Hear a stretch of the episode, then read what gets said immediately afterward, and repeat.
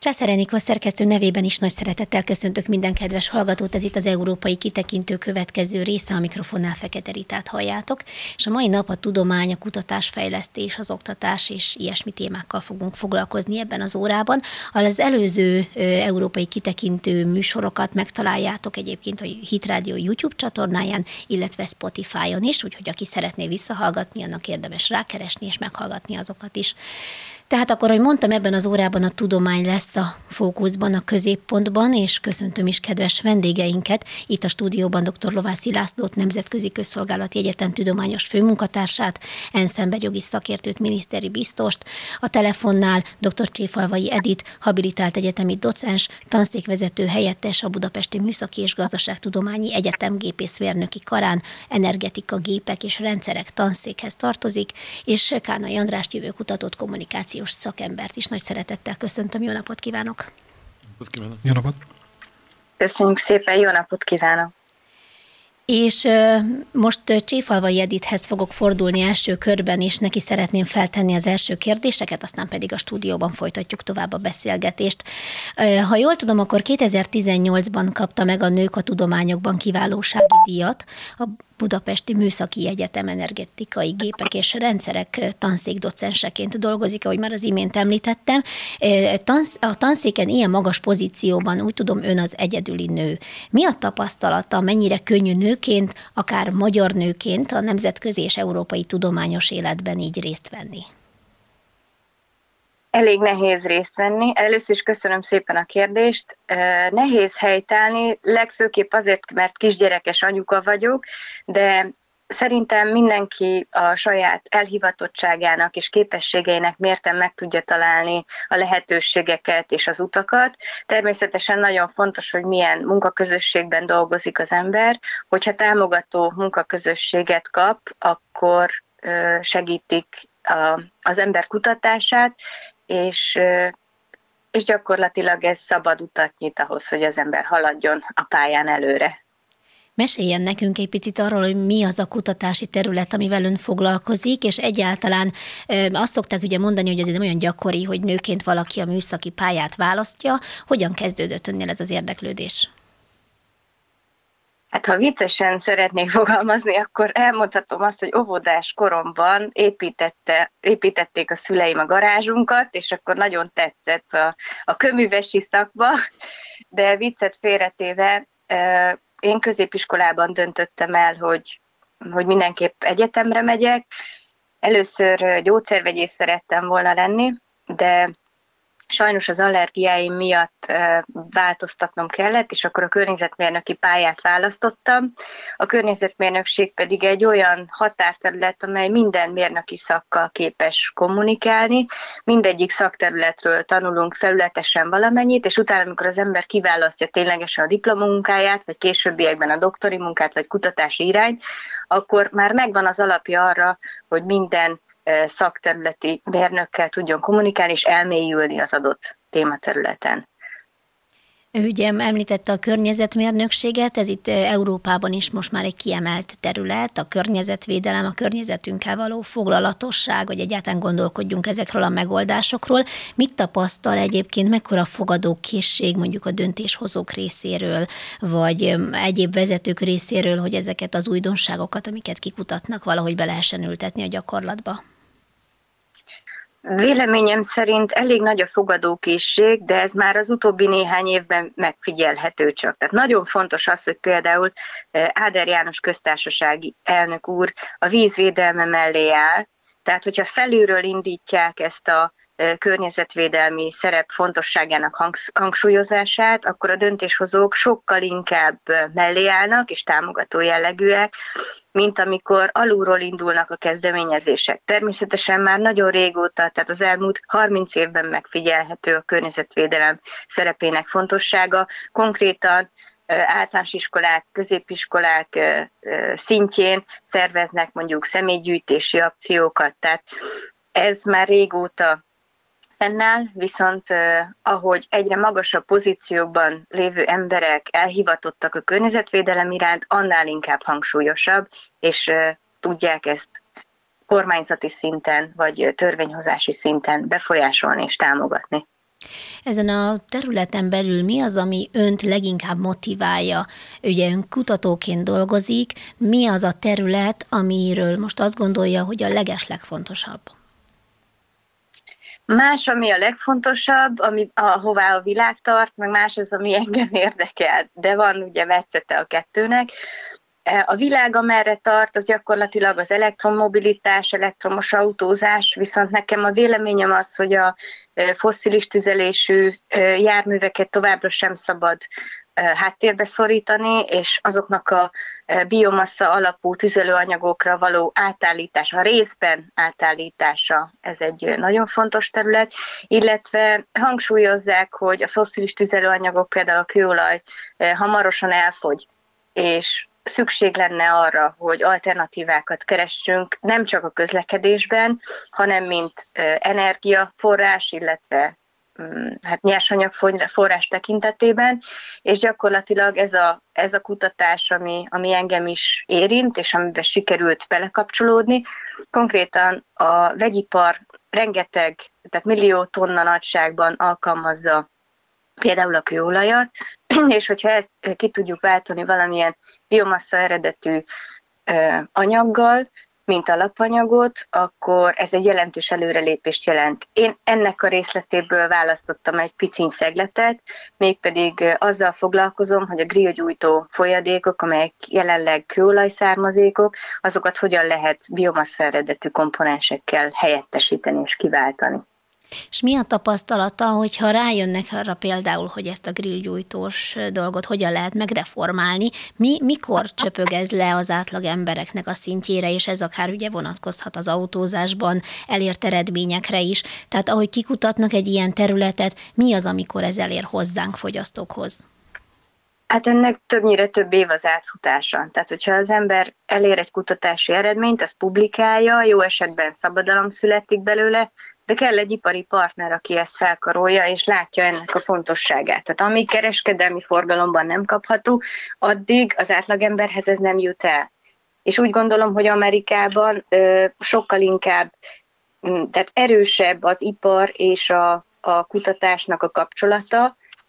Most már erősödik Magyarországon is ez, hogy az egyetemeket támogatják különböző ipari partnerek, és amennyiben közös kutatási terület adódik, akkor ugye megvan az ipari háttér az újdonságoknak a felkarolására, és sokkal erőbb vezetik be a hétköznapi életbe az újdonságokat. Visszakanyarodok még egy picit a beszélgetésünk elejére, hogy mennyire könnyű vagy nehéz nőként, kutatóként ilyen magas pozícióban dolgozni. Mit mondana azoknak a hölgyeknek, fiatal lányoknak, akik hasonlóan műszaki beállítottsággal rendelkeznek, de mondjuk attól tartanak, hogy mondjuk ezen a pályán nem biztos, hogy ők labdába tudnának rugni? Először is mindenkit biztatok, hogy csinálja azt, amit nagyon szeret. Tehát a legfontosabb az, hogy az embernek ne munkája legyen, hanem hivatása. Tehát ha valamit nagyon szeret, nekem konkrétan a munkám a hobbim, és a hobbim a munkám, ezért tudtam szerintem ilyen magasra eljutni, illetve nem szabad, hogy eltántorítsák az esetleges negatív hatások és eredmények. A műegyetemen hát mi is szervezzük a Lányok Napja rendezvénysorozatot, a Nők a Tudományban Egyesület egyik alprogramjaként, és mindegyik karon, különösen a gépész karon majdnem minden tanszék részt vesz abban, hogy érdekes programokat mutassunk a lányoknak, és bemutatva azt, hogy bizony a műszaki területen is van lehetőségük lányként, nőként dolgozni és elhelyezkedni. Tehát igyekszünk népszerűsíteni a műszaki tudományokat nők körében. Nagyon szépen köszönöm, hogy a rendelkezésünkre állt, és sok sikert kívánunk a további munkájához. Dr. Csépalvai Edit, a Budapesti Műszaki és Gazdaságtudományi Egyetem habilitált egyetemi docensével beszélgettünk. Viszont hallásra! Köszönöm szépen a meghívást, viszont hallásra! És folytatjuk akkor itt a stúdióban tovább a beszélgetést, akár ugye le is vehetjük ezeket a fülhallgatókat, itt egy kicsit kényelmesebb lesz akkor, és közvetlenebb. És akkor hát, amit elmondott Cséfalvai Edith asszony ezekkel az új irányokkal kapcsolatban, Lovászi Lászlóhoz fordulnék, ő is így látja-e az európai mondjuk tudományok vagy kutatásfejlesztés területén valóban a környezet és a, a kiváltása ezeknek a, a károsabb anyagoknak, ez most most az irány? Hát alapvetően igen, és, és azt lehet látni, hogy a következő programozási, már jelenleg is a következő programozási időszakban ugye egyre nagyobb jelentőséggel bír a klímavédelem, a klíma változással kapcsolatos beruházások, a kapcsolatos programoknak a támogatása. Ez várhatóan ugye ez erősödni fog, hiszen a klímaváltozás az vannak olyan vélemények, amelyek azt mondják, hogy ez egyre jobban gyorsul, másrészt meg olyan egyelőre még nem ismert hatások is jelentkezhetnek. Láss például a koronavírus járvány is többek között annak is tulajdonítják, hogy ugye az ember egyre jobban behatol olyan természet által korábban ellenőrzött területekre, ahol különböző vírusok szabadulhatnak el. Tehát, hogy nem csak a klímaváltozással kapcsolatos szorosan összefüggő változásokra, hanem a nem szándékolt egyébként a a fejlődést generáló következményekkel is kell számolnunk, ami pedig a ö, személyes észrevételeket illeti. Én úgy gondolom, hogy nagyon igaza van abban Cséfavi asszonynak, hogy a, a innovációknak a szerepe az felértékelődik, hiszen az az élet, amit most amiben vagyunk, tehát az, hogy villamos energiát használunk, hogy csatornázás van, az, hogy a különböző belső égési motorokat használunk, a gyakorlatilag 19. század végén már megvoltak ennek az innovációknak egy jelentős része, de nagyon lassan tudott a mindennapi életben ez át csorogni, úgymond, és ebben a szempontból szerencsésebb a helyzet most már, mert gyakorlatilag akár a digitalizáció, akár a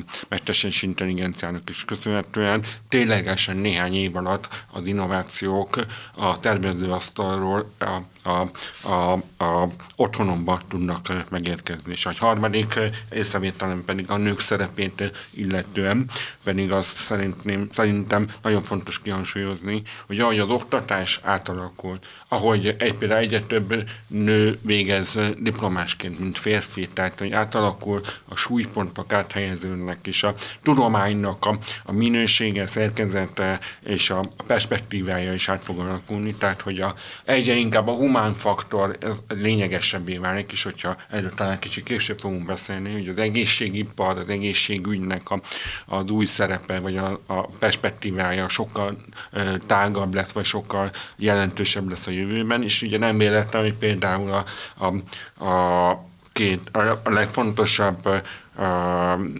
Nobel-díj, ami mondjuk a koronavírus járvány kapcsán is ugye releváns, ez a CRISPR-nek nevezett, vagy CRISPR-nek nevezett technológiát, és két hölgy fedezte föl, tehát Jennifer Doudna és Emmanuel Charpentier nevéhez fűződik, és Kalikó Katalin is ugye, aki a Magyarország büszkeségeként ebben a, ebben a fehérje programozási tudományterületen is alkotott nagyot.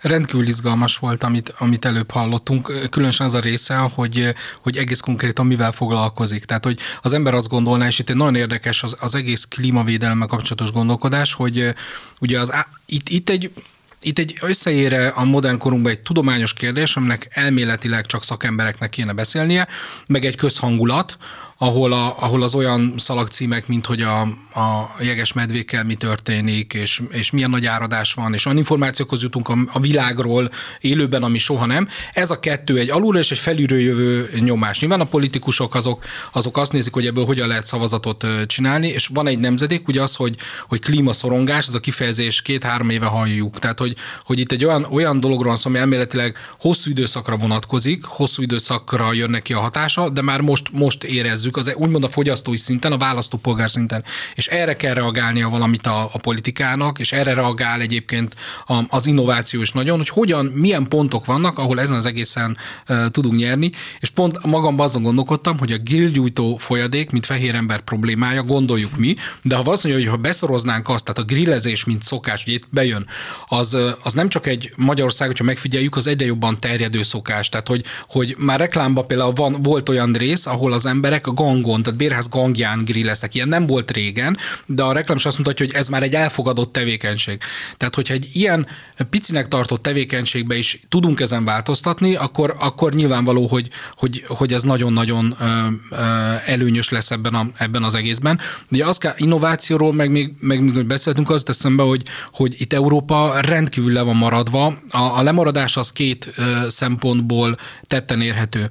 Az egyik az, hogy nálunk nincs meg az a, az a fajta együttműködés, ugye arról beszéltünk előbb, hogy, hogy Magyarországon például ez már, ez már elkezdődött, ez egy jó amerikai irány, hogy ott ugye van egy magáncég, kapcsolódik egy egyetemi kutatáshoz, amit a magántőke finanszíroz. Uh-huh. És ebből, ebből a hármasságból hát iszonyat jó dolgok kiesnek, hát maga, maga ez az egész mRNS vakcinák, ha csak ezeket nézzük, tehát ez is egy, egy ilyen tipikus ilyen dolog volt, belerakott a, a magántőkepénzt, belerakott tavaly az állampénzt Amerikában, Európa is finanszíroz finanszírozta, és ott van, a, ott van egy magáncég, aki egyébként az egy egészet megcsinál. Európa ebben szenved hátrány, tehát hogyha megnézzük, hogy hány unikornis cég van a világban, ugye unikornis cégnek nevezzük, aminek a, a, az értékem az egy milliárd dollárt eléri, akkor azt látjuk, hogy hát azok főleg amerikai cégek, tehát maga a vállalkozásnak a szellem, az innováció, az még ott jellemző, ezt, ezt ugye akarja az Európai Unió valamennyire áthozni, és ugye nem véletlen, hogy két célt jelölt meg, vagy két ilyen célterületet emel ki nagyon sokszor, az egyik a zöld technológia, a másik meg a, az, a,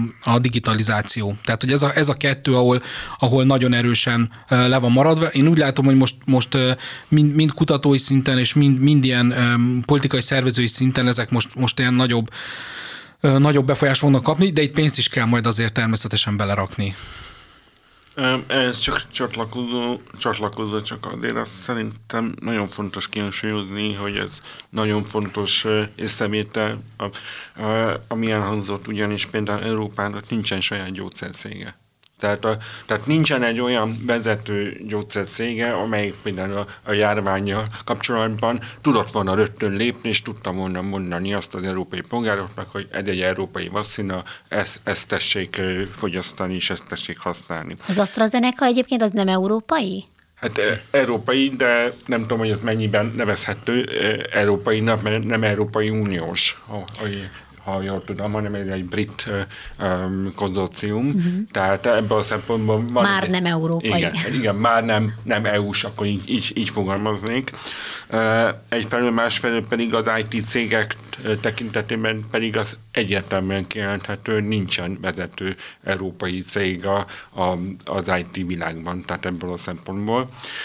De viszont, hogyha azt nézzük, hogy a, a szabadalmi bejegyzésekben szerintem ez az egyik legfontosabb mérőszáma, hogy egy, egy régió, egy térség, egy ország mennyi szabadalmat tud bejegyeztetni, akkor ezt lehet látni, hogy bár hogy Kína óriási mértékben uralja, dominálja ezeket a szabadalmi bejegyzéseket, bár kétségtelen, hogy vannak, akik azt mondják, hogy ez megfelelő helyén kell kezelni ezt az információt, hiszen azt, kell, azt, azt is kell nézni, hogy a szabadalmakat mondjuk öt éven belül fel is használják el, tehát hogy megvan az az infrastruktúra, megvan az a szisztéma, ami ezeket a szabadalmakat tudja alkalmazni és felhasználni. Ezen a téren Kína talán még gyengébb lábakon áll, mint mondjuk az Egyesült Államok, de ez kétségtelen, hogy az európai, a, a európai mezőny sokkal gyengébb, mint akár a kínai, vagy akár az Egyesült Államokbeli helyzet.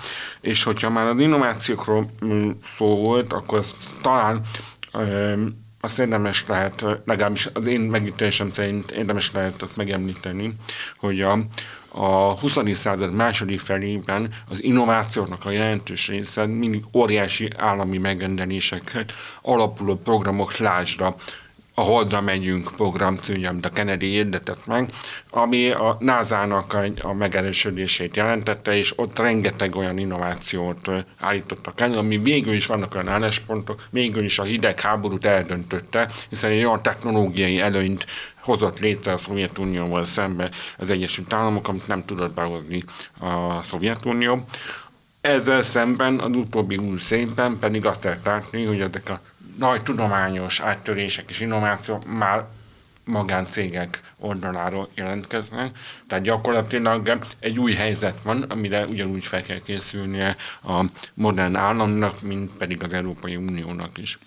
Ebben nagyon jó volt ez észrevételt, hogy nagyon kétarcú Európa. Igen, van egy, van egy európai vakcinánk, amit elkezdtek gyorsan akkor kikezdeni, hát ugye Németországból jöttek az adatok, és egy normálisan gondolkodó ember akkor, akkor is tudta, hogy ha gyártnak egy gyógyszert, az ember bármilyen gyógyszert szed, egy vény nélkülit, bele van írva a papírba, hogy tízer emberből mit okoz, és nagyon durva dolgok vannak, és ahelyett, hogy ezt rendesen kommunikálták volna, állandóan ilyen hírek jöttek, hogy ú, ezt most, most Franciaországban, meg Németországban nem engedik az AstraZeneca-t a, a fiataloknak, nem engedik az öregeknek, nem engedik középkorúaknak, tehát hogy, hogy nagyon két arcú ebben az Európai Unió, mert igenis van gyár. Oxfordi Egyetem ugye az Oxfordi kutatócsoport, tegyük hozzá ott is, ott is egy hölgy, a Pollard vezetésével egy, egy, egy hölgy volt, én az egész kutatást végigolvastam annak idején, tényleg megfeszít, olyan megfeszített munkával, olyan nyomás alatt, ami, ami egy átlagember számára elképzelhetetlen, létrehozták azt, és ahelyett, hogy az Unió azt mondta volna, hogy igen, itt van, és akkor használjuk és segítünk. Nyilván a Brexit meg az egész politika miatt nem segített, de ez a két arcúság jelen van ott is, hogy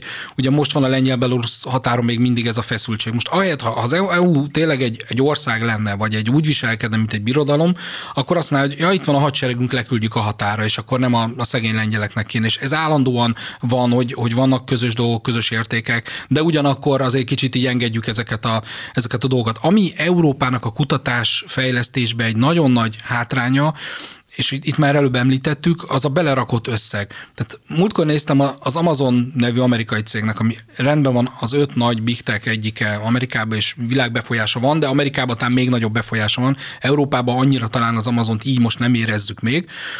Hát ugye 40 milliárd dollár körül a kutatásfejlesztési pénze egy évben, 40 milliárd dollár. Ugye azt nem, is, azt nem is mondom, hogy nincs a magyar cég, ahol, tehát nincs egyáltalán egy a magyar cég, ami meg is közelíti ezt, de ez mondjuk összevetették a, az angol összkutatási összegekkel, és még, a, még abban, abban is, összevetésben is óriási, tehát óriási pénz. Kínaiak ugyanezt csinálják. Most Európának az a baja, ahogy, ahogy az előttem szól is mondta, hogy a IT területén le van maradva. Miért gond ez? Azért, mert a jövő adatalapokra helyeződik. A döntések, a mesterséges intelligenciák, a mintakereső intelligenciák, a, a, amelyekre bizonyos döntéseket rá lehet bízni. Európában nem keletkeznek adatpontok, semmi sem marad Európában. Ugye, ugye GDPR-ra volt olyan törekvés, hogy kicsit zabolázzák a, a, az amerikai big tech de hát azok röhögve kikerülték. Tehát, hogy, hogy mit értünk el, az, hogy még egy kattintás, meg még két kattintás kell, és, és, és egy nehezített, nehezített pálya lett. Nincsen, nincsen Európában Európában ilyen.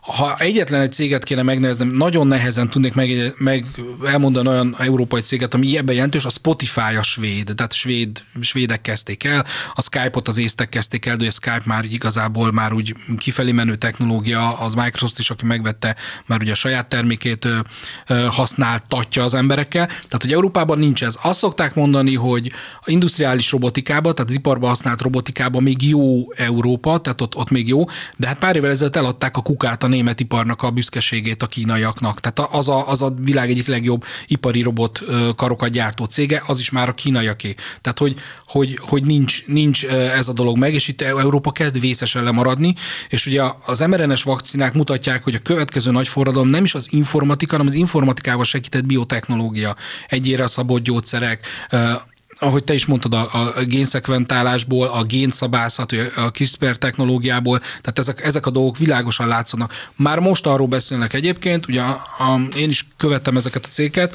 a, a Modernánál ugye készül már az a vakcina, ami a, az össze, koronavírus család ellen lesz az egész, Alzheimer elleni vakcinát azt most jelentették be pár napja hogy ér, a kísérleti fázisokban ér, az hatalmas dolgot fog jelenteni. Tehát az azt jelenti, hogy az Európai Unióban meghatározó előregedés és abból fakadó gondoknak egy részét azt lehet azzal, de ezek nem európai cégek, tehát hogy akkor nincsen csipgyártásunk például. Tehát ha, ha bárki, aki csipet akar venni, ugye Tajvanra, Tajvannal kell kooperálnia, de Hollandiában van az a cég, ami a csipgyártásban az egy ilyen rendkívül fontos részegységet létrehozza. Tehát, hogy megvannak az alapok, de ez a kutatásfejlesztés még Európában, hogy így mondjam, nem durran be úgy Amerikában, meg ez teljesen természetes. Tehát, hogy ott percenként alakulnak startupok, percenként szűnnek meg startupok, de az egész körforgásában ez, ez sokkal jobban benne van. És ami elindulna, azt is megveszik nagyobb cégek, ha jól értem. Ugye itt igen, itt az a, az a nehézség, hogy soha nem voltunk még olyan korba, de szerintem lehet, hogy te a, a kelet-indiai brit társaság, most nem tudom, jól mondtam-e, lehet, hogy ők másmilyenek, de hogy, hogy itt most azt nehéz elképzelni, hogy lesz valahogy egy Facebook konkurencia. Azt nehéz elképzelni, hogy lesz valahogy kereső konkurencia. Tehát ami a, az informatikai, meg, meg az alapéletünknek a, a, a, a lényegét tekinti, hogy ott, ott nem, nem látszódik, hogy lesz valami, hogy olyan konkurencia. Kínaiak rendben, hogy fölhúztak magukra ilyen céget, az a, a lakosságnak szól. Ugye a lakosság ellenőrzéssel kapott egy, egy nagyon erős digitális eszközt. De nincsen, nem látok új közösségi médiát, ami alapul a meghatár 3 milliárd ember havi használója a Facebooknak, 3 milliárd, tehát hogy nagyobb, mint Kína és India lakossága egybevéve, és még hozzáadhatnánk ott Ázsiába pár országot, akkor is nagyobb, és nincs még egy ilyen kereső óriás, mint a Google, ami a világpiacnak viszi a 90%-át, és Kínán kívül mindenütt, szinte mindenütt mondjuk az oroszokat is leszámítva piacvezető. Tehát, hogy igen, ez a meg a másik dolog, hogy nem tud nagyon felnőni cég, és ugye a startuposokat is úgy hát tanítják, hogy hát az lesz a legjobb, ha három éven belül az exited, a, megveszi a Facebook, megveszi az Apple, ahogy ezek ilyen, ilyen tucatjával vásárolják fel azokat a cégeket, amelyeket jobb be lehet illeszteni a portfólióba, és valamennyire a, a, a jövőt jelentik. És Európának ebbe kell, ebbe kéne sokkal jobban um, iparkodnia. Az látszik, hogy az egyes országok, Franciaország igyekszik, hogy Párizs legyen ilyen startup hub, a Portugália igyekszik ugye a saját országait. Most az, hogy, hogy pandémia és, és home office, az a távmunkát erősítette meg, hogy oké, okay, akkor dolgoz innen meg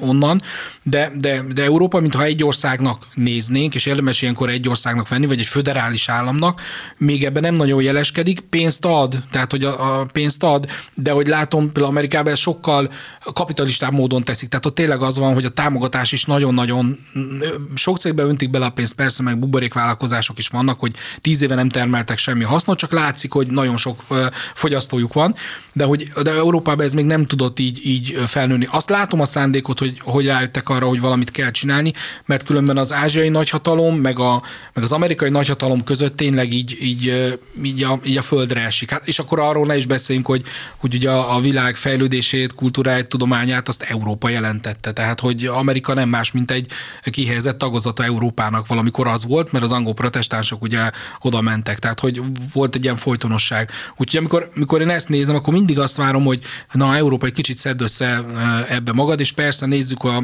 beszélünk a jogokról, beszélünk ezekről a dolgokról, de hát azért az európai jelentős országok ugyanúgy üzletelnek Kínával, Oroszországgal, mint a, mint a kisebbek. Tehát, hogy állandóan ez a két arcúság van benne. Hát csak, hogy lássuk a, a arányokat, meg a perspektívákat. Ugye hangzott, hogy az Amazon 40 milliárd dollárt költ kutatásfejlesztésre. Ha csak a mesters, ezen nagy része a mesterséges intelligenciára fókuszál, illetve azokat a kutatásokat próbálja extrapolálni, illetve felhasználni. Az Európai Unió mostani kerettervében, vagy keretprogramjában, ha jól emlékszem, akkor 5 milliárd dollárt. Igen, ez, nagyon kevés. Ez a Horizon lehet. Igen. Fordítanak a mesterséges intelligencia fejlesztésére, kutatására. A kínaiak meg 60 milliárd dollár körüli összegben gondolkodnak 2000 35-ig. És akkor nem beszéltünk mondjuk a kvantum számítógépekről, mert oda is öntik bele a pénzt. Amerikai startupok is, meg a meg kínai a állam is, meg a japánok is, igen. igen. És ugye a, a, a kvantum számítógép az pedig egy ugyanolyan ugrás lehet, mint annak idején volt mondjuk a könyvnyomtatásnak a megjelenése, a tudomány, vagy a, vagy a műveltség, illetve a ismeretetnek a alkalmazása és terjesztése tekintetében. Én még egy fontos dolgot kiemelnék, hiszen fontos az IT, fontos a mesterséges intelligencia, de van egy új terület, ami viszonylag um, um, még nem, nem érte el azt a forradalmi állapotot, ami mondjuk a másik kettőnél már kezdett, már elkezdődött kibontak, a kibontakozás, ez pedig az emberrel kapcsolatos. Tehát a biotechnológiának az emberi testtel, emberi szervezettel összefüggő új kutatási területein. Most itt nem elsősorban a Elon Musk féle agyimplantátumra gondolok, mert az végül is egy, nem egy új történet, hiszen implantátumok már a 80-as évek óta van, ugye először ugye a hallássérültek vonatkozásában jelent meg kokleális implantátum 1980-as években, de még korábban ugye műszív, még korábban pedig különböző protéziseknek a, a megjelenése már ebbe a, ebbe a sorba illeszhető. Sokkal inkább arról van szó, hogy a programozás, tehát a sejtprogramozás, hiszen például viszonylag új, néhány hónap, hónapja jelent meg egy új kutatási eredmény, miszerint az embriók esetében egy fiatalos, fiatalosodási folyamat zajlik le az első 12 napban. Ugyanis gondoljuk, tehát lássuk azt, hogy amikor megfogan egy, egy egy embrió, akkor ugye a két szülőnek a sejtje az 25-35 év közötti. Tehát azok, az a sejt az ilyen öreg, tehát 25-35 éves a két sejt. Ehhez képest két-három héten belül az embrió az már egy, egy új új életet jelent, és ez úgy történik meg, hogy az ötödik és a tizedik nap között a mostani kutatási eredmények kimutatták, egy, egy, egy újra programozás, egy zéró programozási folyamat indul meg a sejtek szintjén, tehát gyakorlatilag valóban új sejtek jönnek létre a régi sejtekből. Na most ez, ha ez tényleg így van, és ez reprodukálható, akkor nyilván a idős, mármint a felnőtt emberek vonatkozásában is megtehető. Ugyanígy a, a fehérje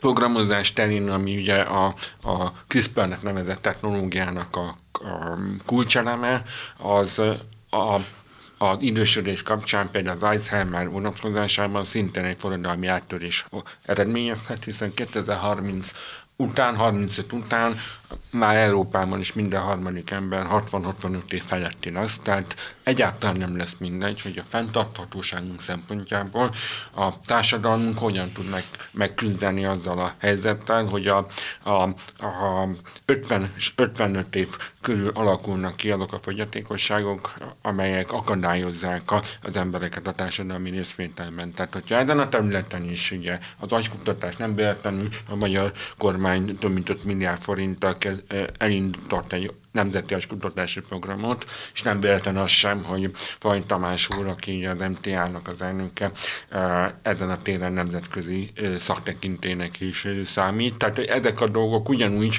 fontosabb, talán még fontosabbá válnak, különösen Magyarország vonatkozásában, hiszen nekünk nincsenek informatikai cégeink, nincsenek nyersanyagaink, ami van, az az ember, és talán ez egy jó irány lehet, hogy ezen a téren tudjunk előrelépni és valamit ajánlani a, a világ számára.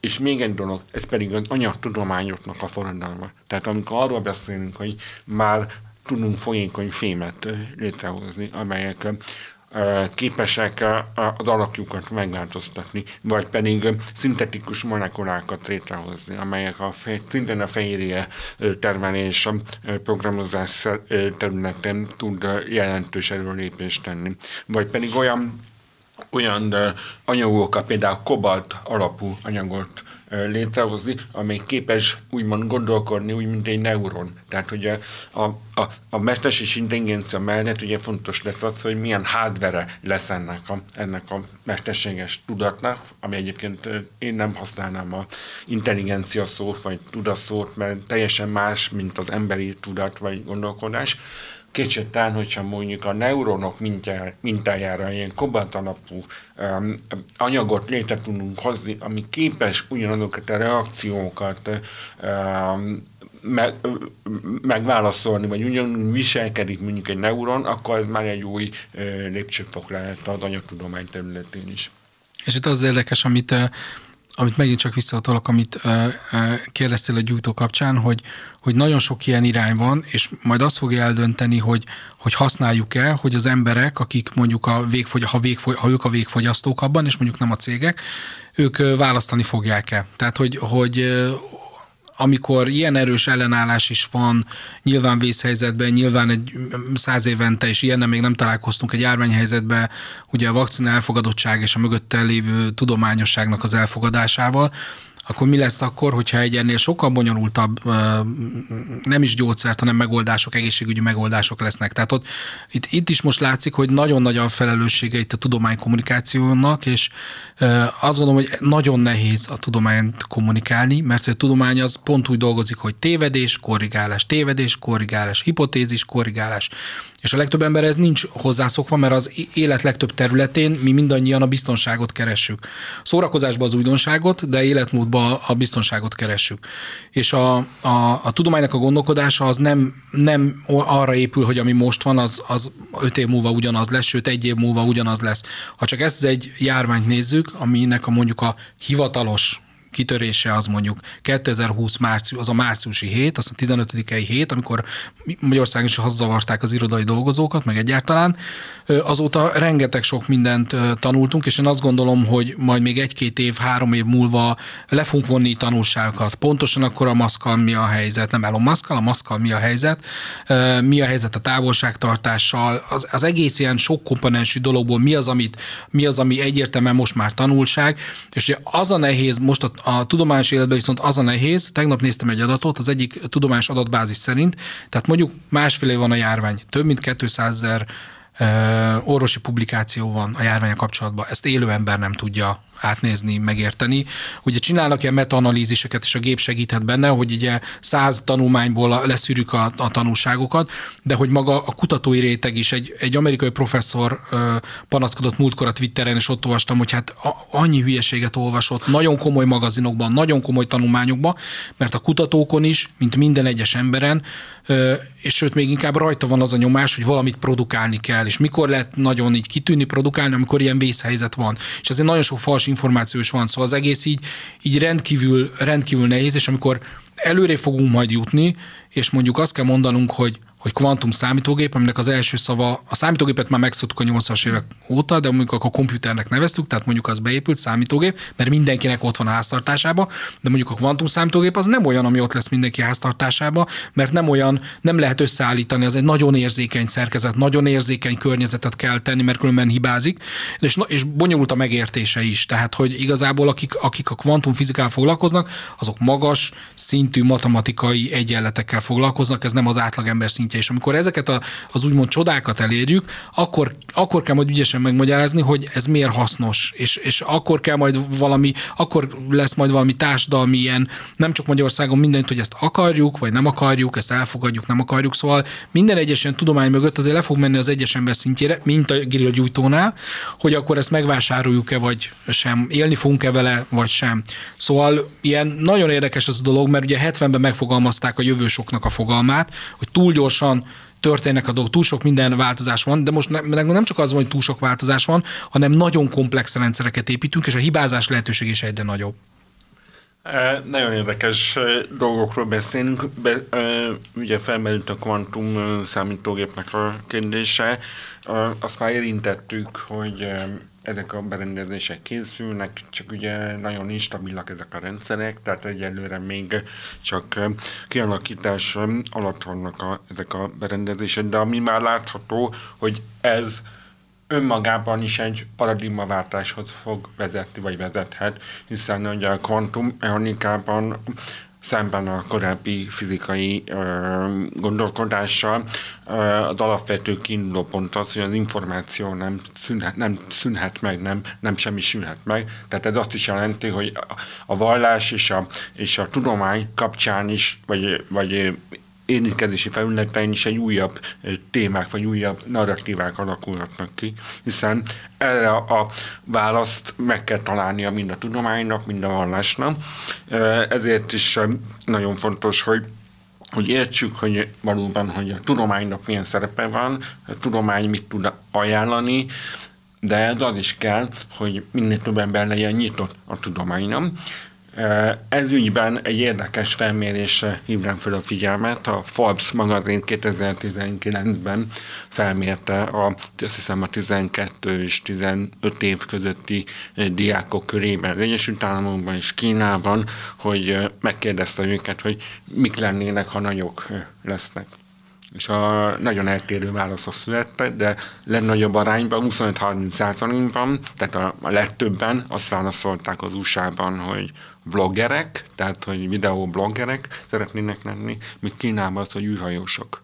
Tehát, hogy ez is mutatja, hogy itt, itt a nyugati civilizációban valami, valami nagyon nem működik. Tehát valami itt, itt a fiatalokkal, a, a társadalmi közbeszédben, a nyitottsággal kapcsolatban. Tehát a, eddig mindig úgy tekintettük magunkra, hogy mi vagyunk az igazán nyitottak. Na most lehet, hogy ez egy kicsit változóban van, itt a különböző társadalmi mozgalmak, meg még mindenféle um, egyébként a, a, a, a, a az egyenes beszédet, a, a, a, a a valóságról szóló diskurzusokat korlátozó narratívák, meg, meg PC-nek is köszönhetően egy, egy, egy, egy olyan helyzet kezd kialakulni, ahol mondjuk a tudomány és eredményekről azért nem lehet beszélni, mert mondjuk bizonyos csoportok számára sértőek lehetnek, akkor viszont már a tudománynak a, az előre jutását és a tudománynak a, a szerepét kérdőjeleződik, kérdőjelezhetik meg társadalmi szinten. Igen, ez egy, ez egy nagyon érdekes és szomorú jelenség. Úgy mondom szerencsé, hogy egyelőre Amerikára jellemző, tehát nem látom, hogy Európában ennek ilyen komolyabb hullámai lennének, de ugye itt arról van szó például, hogy bármelyik tudománytörténetét nézzük, ez egy adottság, hogy leginkább európai fehér embereket fogunk találni. Ezzel nem tudunk mit csinálni, ez, ez a történelem. És, és Amerikában sok szó van róla, hogyha csak így tanítjuk, akkor azt a narratívát erősítjük, hogy lám mindent a, úgymond a fehér ember talált föl, de hát ugye ez a, ez a múltunk, tehát hogy, hogy ez egyszerűen tény, meg, tény megállapítás, de ha a tudományt elkezdjük alárendelni, tudomány eredményeit, módszereit elkezdjük alárendelni társadalmi elvárásoknak, amik lehet, hogy ma így vannak, de máskor meg úgy lesznek, akkor az, akkor az visszaesés. És azért szomorú ez, hogy pont Amerikában van, mert a mai napig azért az amerikai egyetemek a legmeghatározóbbak a világon szinte az összes, összes ilyen tudományákban. A legtöbb Nobel-díjas az, amióta az eszembe tudom, az amerikai, tehát az évtizedek óta persze japánok, németek, olaszok, néha magyar, magyar számzások is beesnek oda, meg kisebb országok, de hát, de hát Amerika, Amerikába csinálják. De amit megmondtunk, ugye európai, Európában pedig agyelszívás van a Amerika felé, tehát azért, ha valaki komolyan akar kutatni egy, egy területen, nagyon komolyan, nagyon tényleg akar lenni, az végsősoron azért oda fog, oda fog orientálódni, míg hogyha a történetet nézzük, és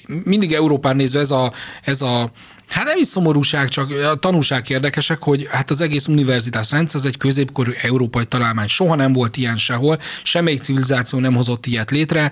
Az iszlámban, madraszákban nagyon erős volt a, a korán értelmezés, és nagyon hamar elvált az, hogy a, hogy a tudomány nem írhatja felül a, a vallást, ugye az algázálnak a, a tevékenysége nyomán, tehát na, nagyon gyorsan, nagyon gyorsan ezt lerendezték úgy mond, hogy, hogy a tudomány nem tudott úgy fejlődni. Európában pedig azt mondták, az volt a zseniális az univerzitás találmány, tudományban, hogy van a teológia, az ugye a legfontosabb, de a teológiát, meg a természettudományt azt szétválasztották. A kettőt külön lehet kezelni, a kettőt, a kettő teljesen harmonizáltó.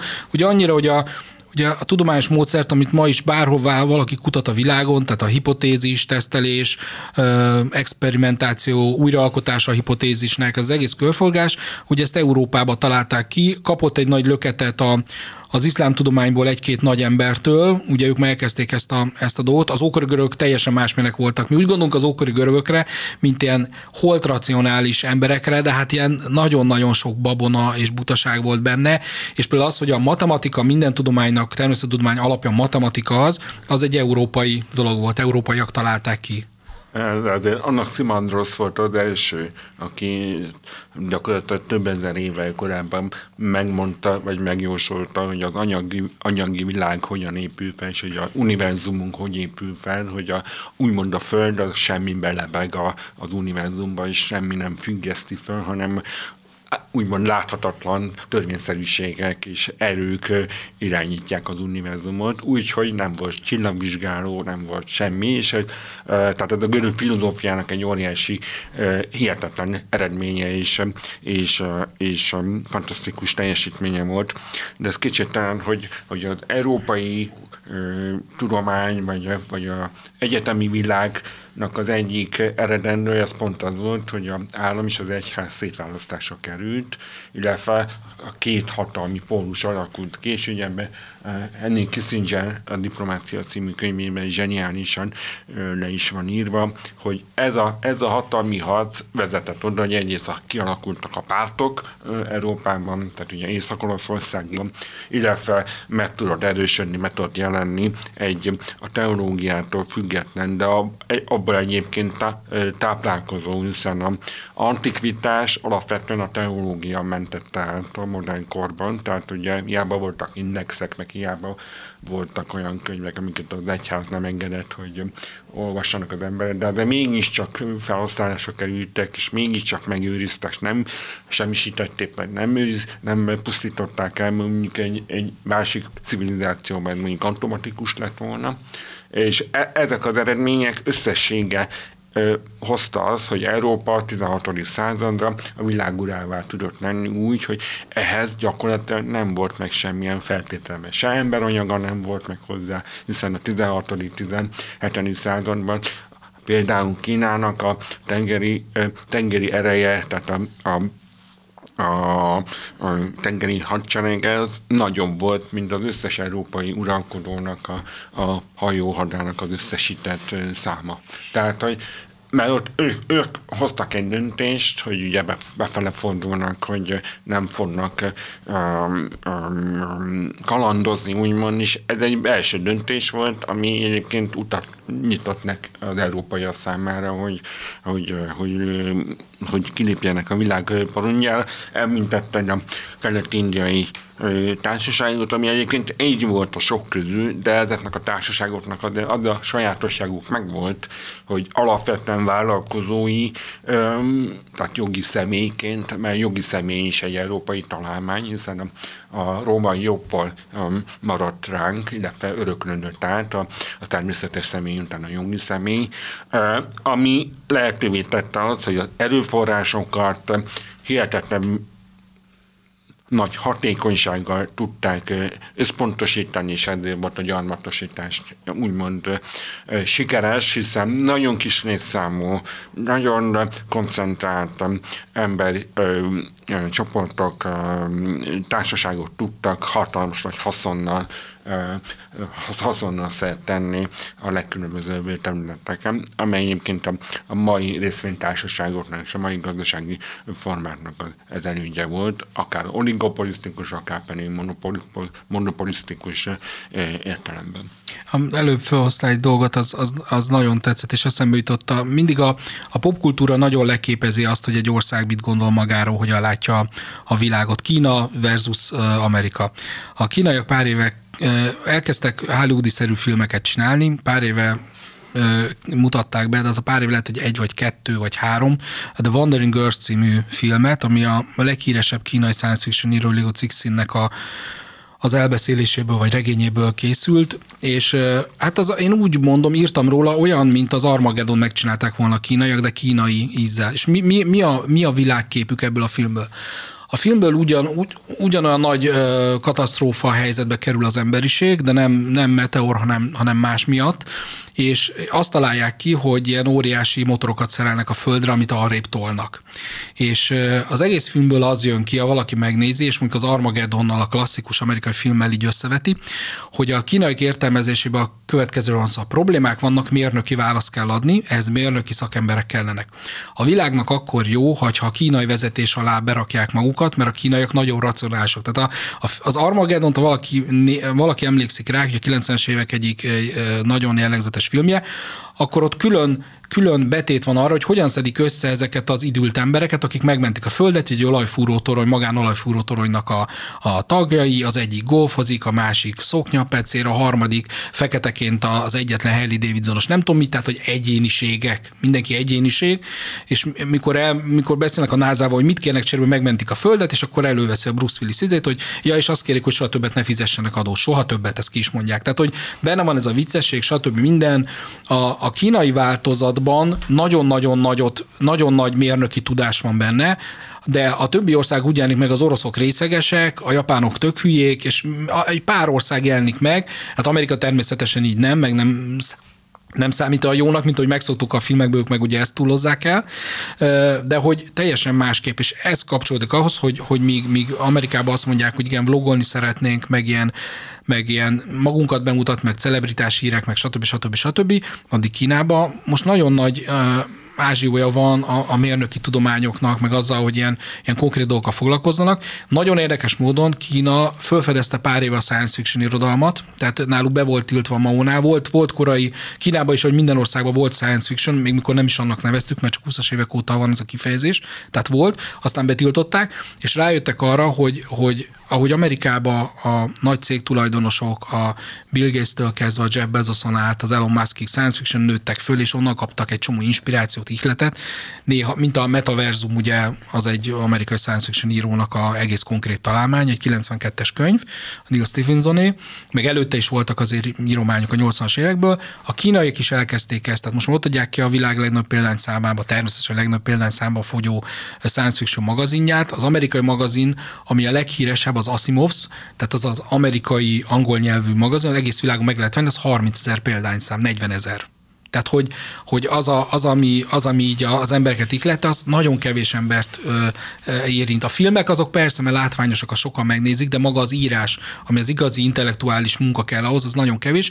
Kínában és egyébként vicces módon Oroszországban is ezek az írók rockstárok státuszban vannak. Tehát, tehát hogy nagyon a Liu Cixint azt olyan becsben tartják, hogy azt az író, de nem csak ő, most már sokan írnak. Nagyon érdekes a kínai science fiction, más, mint az amerikai, de nagyon arra épül. Tehát az is, az is ugyanazt csinálják, mint a, ugyanaz tetten érhető, vagy érezhető, mint, a, mint az összes mindenben, hogy eltanulják, amit lehet, és sajátos kínai ízt, irányt adnak, adnak hozzá, de most ők ott tartanak, ahol az amerikai science fiction irodalom az 50-es, 60-as években, amikor kézzelfoghatónak látszott, hogy ja, most fölmegyünk a világűrbe, aztán a Holdra, majd jön a Mars, majd a naprendszer és az összes többi, ami ugye 70-es években kész, meghalt, mert, mert ahogy te is mondtad, megnyerték a, az űrcsatát, a Space Race, tehát hogy nem volt hova, mert nem, volt, nem adott az állam annyi pénzt már, mert, mert nem volt ennek ilyen politikai tétjesem, de a kínaiak most vannak ebbe a, ebbe a felfutó szakaszban, és ez minden elátszik a művészetükön is, meg ahogy hozzáállnak ezekhez a dolgokhoz. Ezzel természetesen nem fetisizálni akartam a, a, a, a kínai államot, mert ez egy egypártrendszer, és aki Magyarországon élt ebbe, és hozzáadja azt, hogy na,